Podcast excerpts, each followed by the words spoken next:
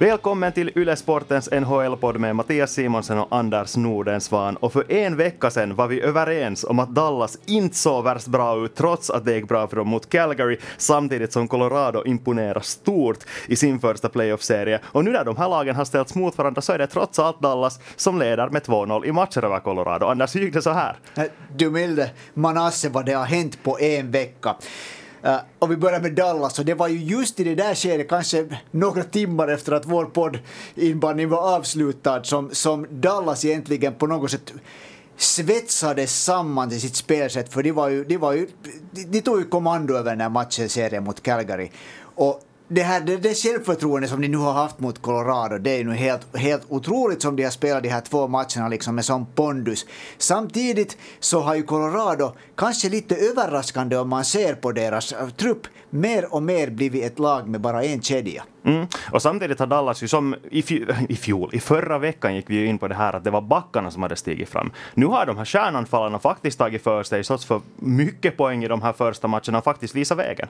Ja, alltså den, den kedjan som alla hela året skrikit efter med Jamie Benn, Radulov och Tyler Seguin, som, inte, som var direkt usla egentligen kan man väl säga, då när de fick spela ihop under grund, grundserien. Nu har de slagit till de vissa i första matchen mot, mot Colorado, verkligen, verkligen framfötterna och tog liksom upp den här kampen med Colorados första kedja, Landeskog, McKinnon och Rantanen som ju är grym. Så att det där, plötsligt faktiskt, Dallas har blivit ett lag som går på alla cylindrar. Det är verkligen inte bara backarna fast fortfarande deras backar med Miro Heiskanen, Esa Lindell och eh, John Klingberg är helt sjukt bra.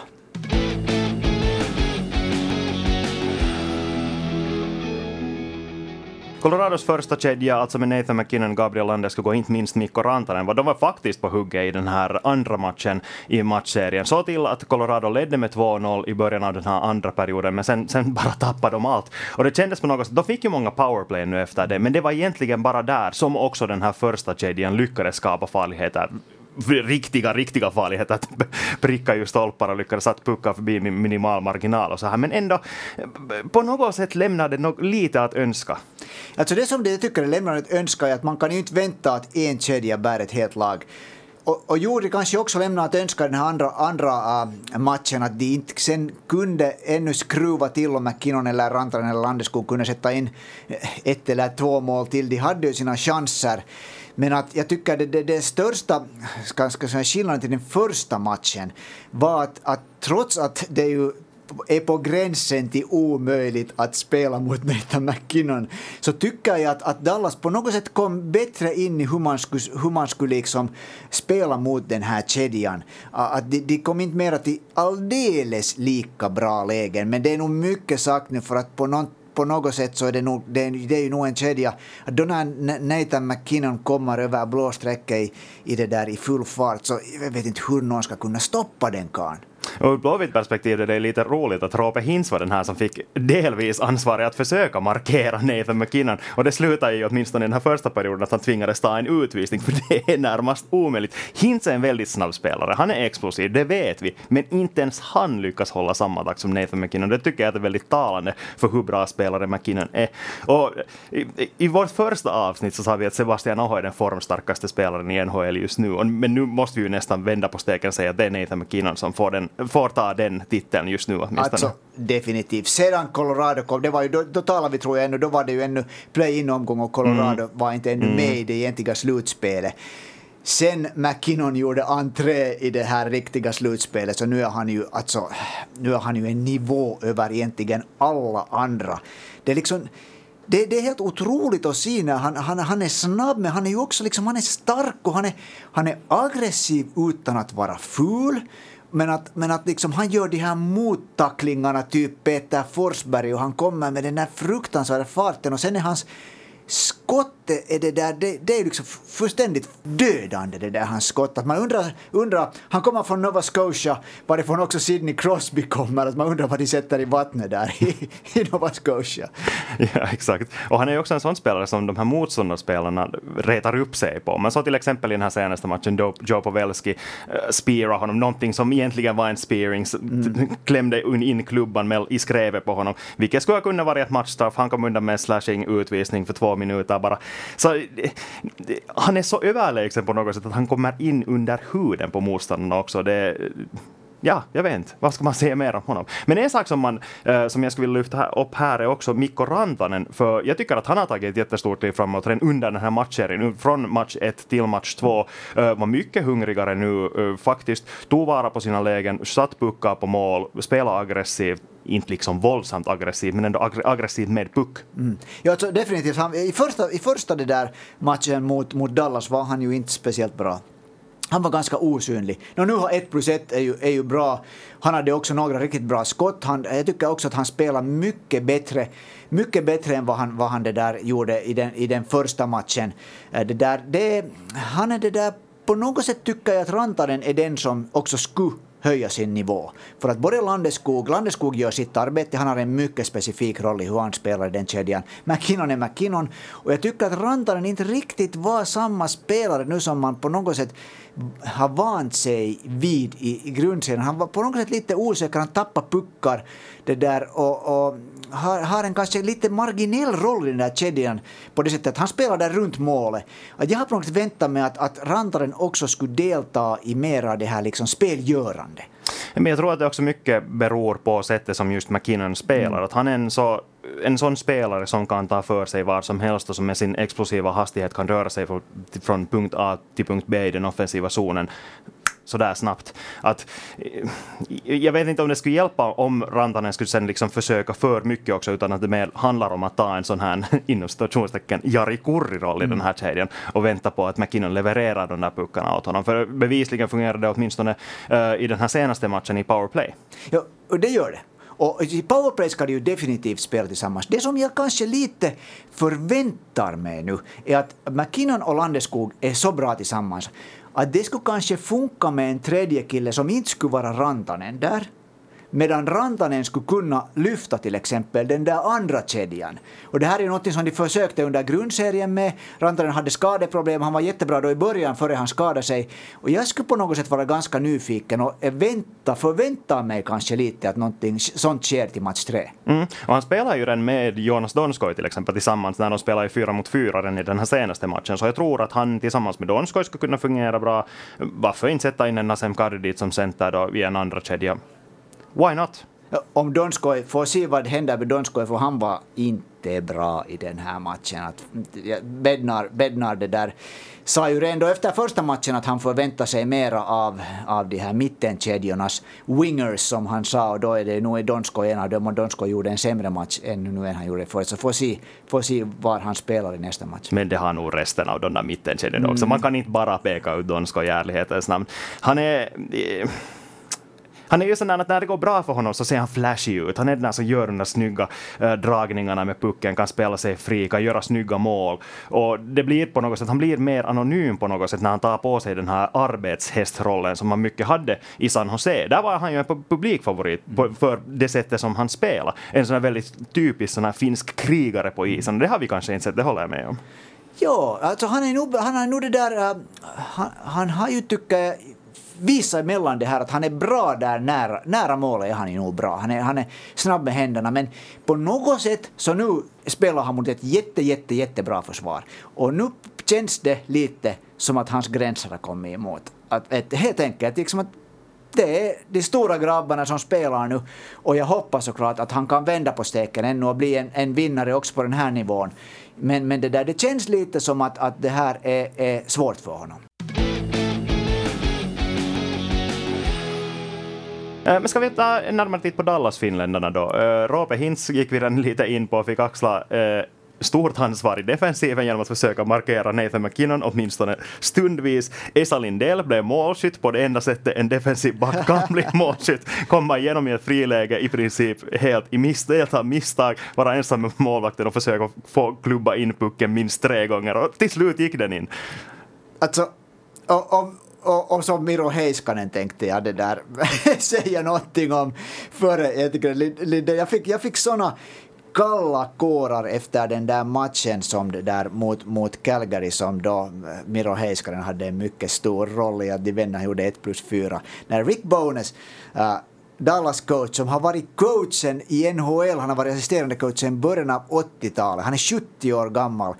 Han har sett sådana killar som Denis Potvin och Larry Robinson ta över matcher. När han säger i presskonferensen inför en nordamerikansk äh, presskår att Miro Heiskanen tog hela laget på sin rygg och det där förde oss till seger. Det var helt otroligt. Det, det, var, det var liksom någonting stort. Mm. Och jag vet inte, alltså han har inte varit lika synlig nu i matchserien mot Colorado som han var mot Calgary, men nu är han ju ändå där, han gör det där jobbet, han gör inte något misstag om vi säger så åtminstone.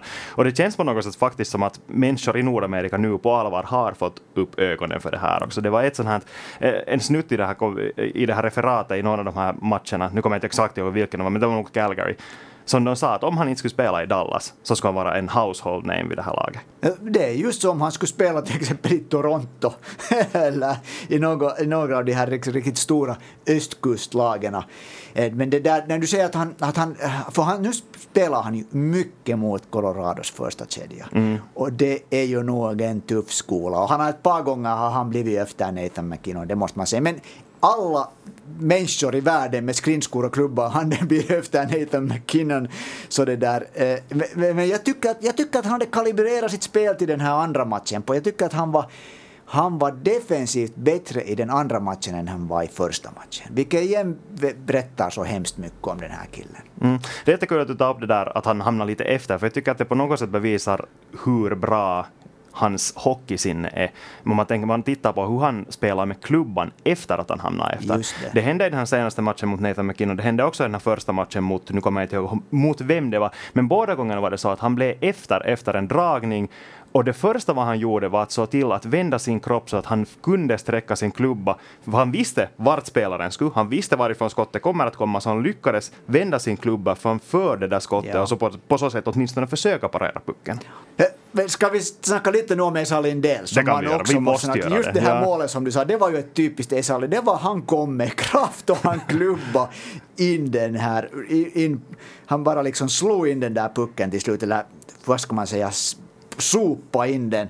Men det där, han hade igen, han hade åtta tacklingar i den här matchen.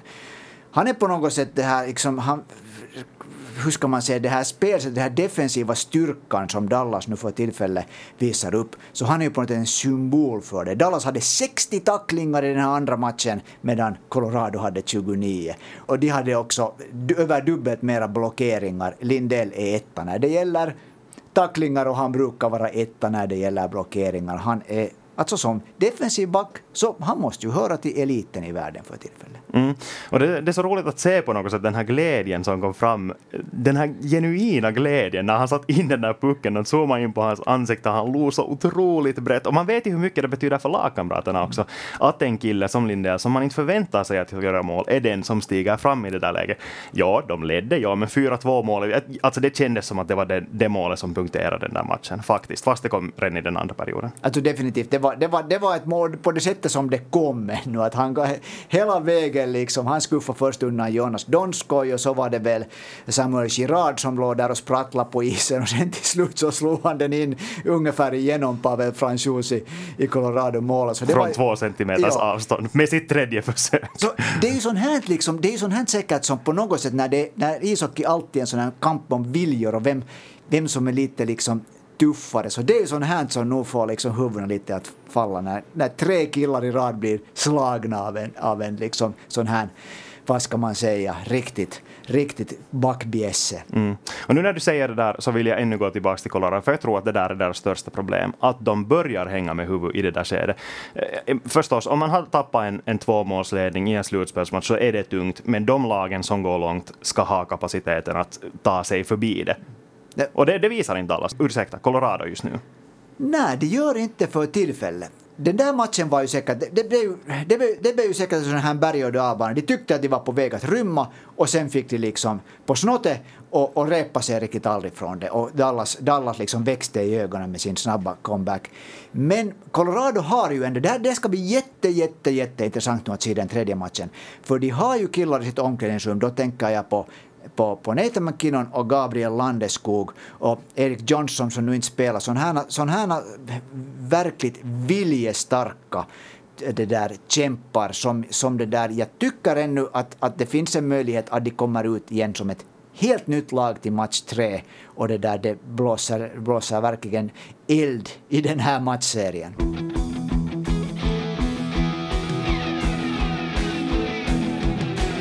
Men på tal om viljestarka spelare och tuffhet på kanske fel sätt så är en sak som irriterar mig något otroligt mycket med just den här andra matchen var sättet som Dallas kom tillbaks. För om vi tittar, vrider tillbaks klockan, vad var det, 49 sekunder från de här, det här 2-2 målet.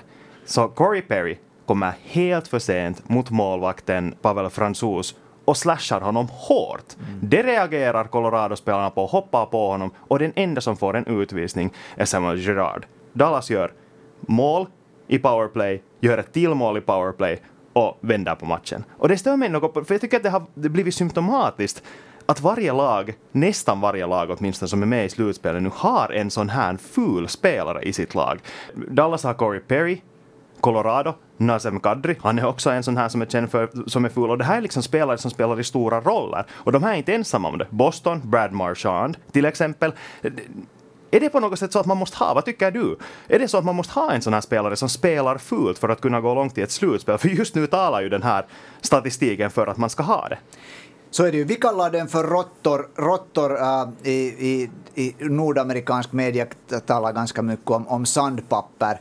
Äh, men, men det är kanske en skillnad på sandpapper och råttor. Alltså Corey Perry är ju en råtta, det kommer man inte få. Han har varit en stor spelare, men han har alltid varit ful. Och nu finns det ju inte så hemskt mycket kvar av hans spel, annat än den här fulheten. Utom att han just sen råkar spela ganska bra efter det här, den, där, den andra matchen. Men, men det där, jo, det känns som att det ska finnas de här killarna som av någon underlig orsak, jag tycker som du, jag tycker att domarna har misslyckats ganska mycket med att, med att det där, ta bort sådana här, såna fulheter. Och speciellt när det är riktat mot målvakten så är det ju helt, helt svinaktigt. Men det vet vi, den här, eh, den är, det är ju en, liksom en, en klyscha som kanske låter lite tröttsam. Men att de här spelarna som motståndarna och publiken och media kanske hatar så gillar man i det egna omklädningsrummet just på det här för att de lyckas få motståndaren ur balans. Mm. Och det har ju varit ett jättestor diskussion, så just det här som du sa om domarlinjen nu i slutspelet, att den har varit non-existent i princip. Att det är vissa matcher så kan få de göra vad som helst för att crosschecka varandra in i sargen med huvudet före om de känner för det. Vissa tar de sen bort liksom ganska lätta slashingar och andra holdings och sådana eh, egentligen helt inkonsekvent. Men det stör mig på något sätt ändå att det har blivit så här, att den här ligan har gått i den här riktningen att det ska finnas de här spelarna som faktiskt får spela fult och göra det på en väldigt, väldigt hög nivå.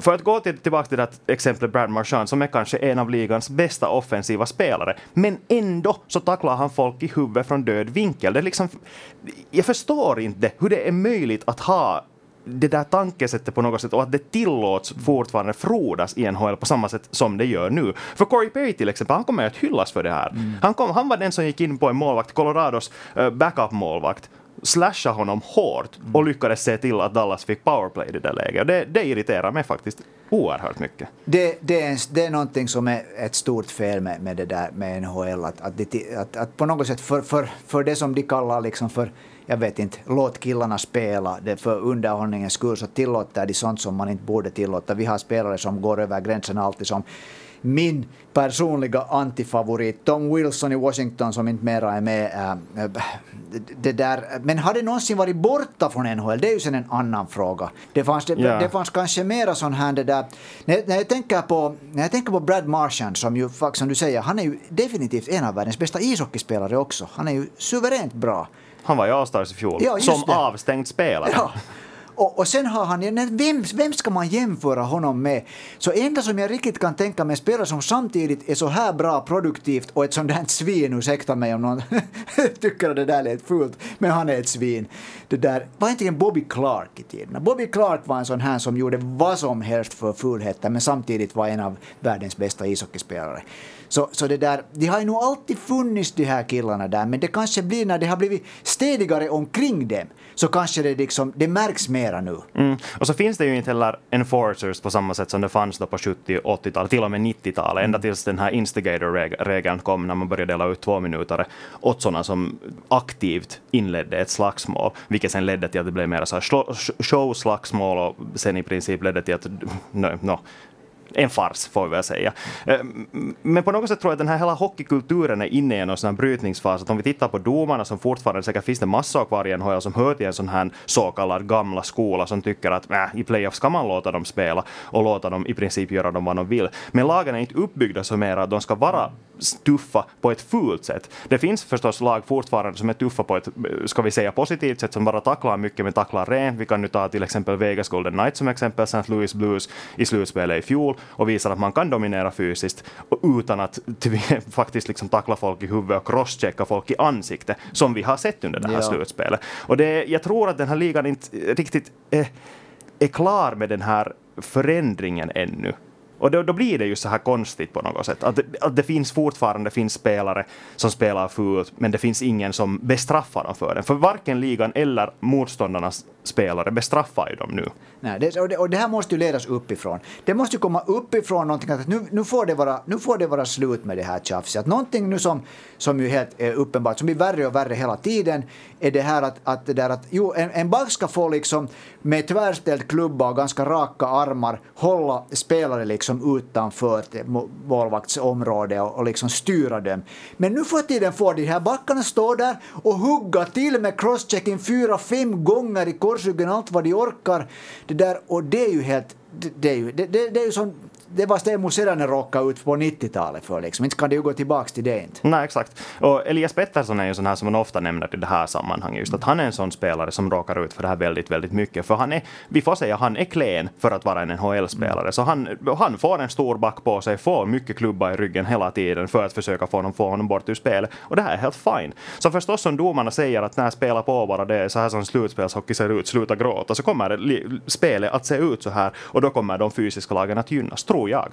Ja, definitivt, så är det. Och, och, och det där en sak som också jag tycker som, som, jag, som är helt grymt inkonsekvent är den här interference-grejen. Till exempel gjorde Colorado ett mål mot Dallas i den första matchen så att det var, var det nu månne Landeskog som efter att han hade passat åkte rakt på Miro Heiskanen så att Miro Heiskanen inte kunde komma och blockera skottet. Och, och vad jag förstår om ishockeyns regelbok så får du inte göra det att du får köra på en spelare som inte har pucken för att täcka honom så att han inte kan komma, att, för att han inte ska kunna komma och blockera en annan spelare när han inte har pucken. Nej, så bara du stannar för det så ska det väl vara ja. okej. Okay. Då är det väl en screen. Men sen där, var går gränsen? Och speciellt i slutspelet så på något sätt har gränsen har suddats ut.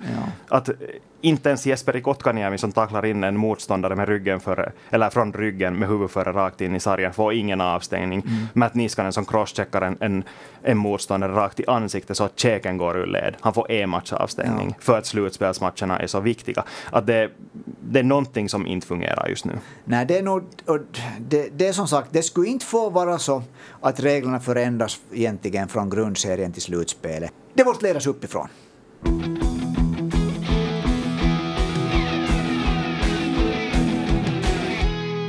Som vi redan tidigare har konstaterat så är vi väldigt tacksamma för all respons vi får för den här podden och ni får fortsättningsvis gärna skicka in frågor och förslag på diskussionsämnen och annat till antingen per mail till svenskasporten.yle.fi eller sen på Ylesportens Instagramkonto. Och nu Anders, nu har vi fått in några frågor som vi tänkte att vi bra kan ta ställning till här till slut.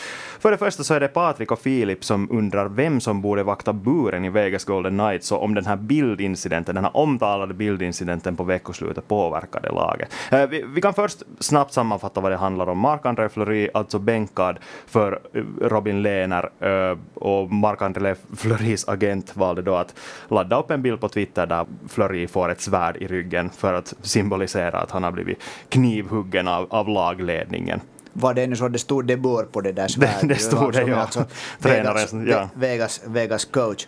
No, det var ett ganska bra svar som Vegas gav i den första, första matchen här mot, det där, mot Vancouver med att direkt utklassa dem utan att släppa in ett enda mål med Lenar i buren. Så jag tror att, jag tror att om det gjorde någonting så sån här tryck utifrån, eh, fast det nu var då en agent en spelares agent som ändå på ett sätt är ganska långt ifrån laget, så tror jag det bara sammansvetsar den här viljan och, och det där när det gäller igen vem som står i det där Vegas bur. Så så länge Lennart håller 100 procent så tror jag att det är ganska svårt att, att få honom bort därifrån. Mm. Och nu det här om att påverka laget, jag håller alltså 100 procent med dig. Så länge Lennart spelar bra så kommer de inte att bänka honom. Det är inget snack om den saken.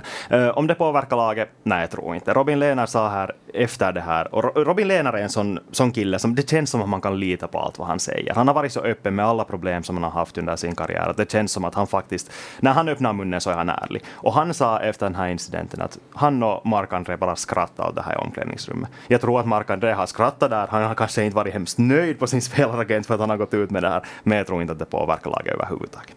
Tror du att han byter spelaragent? Det är mycket möjligt. Det, men jag, jag, är faktiskt inte alls insatt i de där juridiska de där detaljerna där, att hur lätt det är att byta spelaragent. Men om det är lätt att göra så skulle jag åtminstone göra det om jag skulle vara han. det som jag funderar på, att var det månne så att den här spelaragenten har, har några personliga bonusklausuler där som beror på hur många slutspelsmatcher som Marc-André Fleury spelar och det där och, och det där hade litat på att han nu är den eh, Vegas första målvakt det liksom propparna brann så att säga när han märkte att det inte kommer någon klirr i kassan. ett, litet ett sista desperat försök att få in Mark kan dröja mellan stolparna. Men hej, andra frågan. Det är Simon som undrar vem som är Conn Smythe-favoriter i det här skedet av slutspelet. Det här är en jättesvår fråga, för det är fortfarande åtta lag kvar och därmed borde det finnas åtta Conn Smythe-favoriter. Men jag tycker åtminstone inte att det finns så många klara. Nathan McKinnon förstås, som vi har diskuterat mycket idag, han är den i Colorado som om de går hela vägen så är det högst antagligen han som vinner Conn Smythe. Men andra?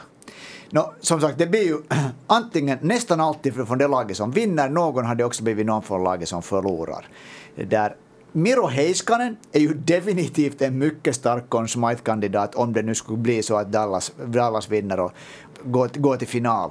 Om du ser på andra så om Philadelphia rycker upp sig så tror jag att Carter Hart ligger ganska bra till. Deras målvakt, unga målvakt som man har stora förväntningar på. Som det också finns en liksom grym vilja tror jag att, att lyfta upp till en sån här stor mm. stjärna. Vem ska vi ta från Boston? Är det månne vår favorit, Brad Marchand? Ja, alltså jag vet inte, alltså de här andra lagen där det inte finns en klar favorit, som man tänker på, de ser ganska likadana ut som St. Louis Blues såg ut i fjol, och där mm. valde man en av de här framstående centrarna då, som är ganska logiskt. Man valde uh, Ryan O'Reilly, och jag köper det argumentet fullständigt, och jag tror att det skulle gå ganska liknande där. Uh, till exempel om man tar Boston, han kan inte spela så bra att det skulle vara liksom hans förtjänst att de är där var de är, så jag skulle nästan sett lägga pengarna på Patrice Bergeron där. Samma dessvärre också i Dallas, att där går det nog jag tror inte på att Miro Heiskanen skulle få det priset. Det skulle antingen vara någon av de här kärnforwarderna eller, eller någon annan mer rutinerad som stiger fram under resten av matcherna. New York Islanders också jättesvårt att välja någon enskild favorit där. Vancouver Canucks också samma sak. Det är liksom, där är så många som har stigit fram. Nu är det väl Markström som ligger bra till om de, om de skulle gå till final. Ja, alltså jag skulle säga att av alla målvakter så är det han och ungefär Robin Lehner som är de som, som just nu är de som är största favoriter, skulle jag säga. Men alltså jag måste opponera mig mot det där med Heiskanen Heiskanen, för att om Heiskanen fortsätter att producera på det här sättet och är så här totalt dominerande och de går till final och vinner. Så då kan han nog svårt att se hur någon ska kunna köra förbi honom. Om han plötsligt inte börjar spela det där helt dåligt, vilket, och då kommer Dallas inte att spela i finalen. Det är ju helt klart det där. Men, men nu är det inte den objektiva åsikten, utan det är de nordamerikanska NHL-skribenternas åsikter som vi ska tänka ja. på nu. Och dessvärre är det så mm. att de nordamerikanska forwards framförallt då har en fördel. No, ofta, är det ju, ofta är det ju på det sättet, men det där, å andra sidan så, så tycker de ju om liksom trender och hypar. Det blir, ju, det blir ju kanske till och med lättare än vi här, här, sån här liksom att nu är det någon som ska få medvind och nu är det någon som ska, som ska lyftas. Men det är ju helt klart att det där om Colorado vinner så är det bara en kille som, som är ett alternativ. Det, det, liksom, det vet vi fullständigt säkert. Och så tror jag att om Tampa på något sätt nu lyckas ta sig vidare och, och, och komma hela vägen, så då är det två killar som jag skulle säga att, att ligger stad. Det är Braden Point, som, har varit, som är nu liksom första center. Carolina-dödaren. Ja, Carolina, ja. Och så har vi dessutom också Victor Hedman som ju verkligen har höjt sig när det gäller hela tiden. Med de här sanningarna är det kanske bra att sätta punkt för det här avsnittet av Yle Sportens NHL-podd. Vi är tillbaka nästa tisdag. Tack för att du lyssnade. Tack så mycket, hej!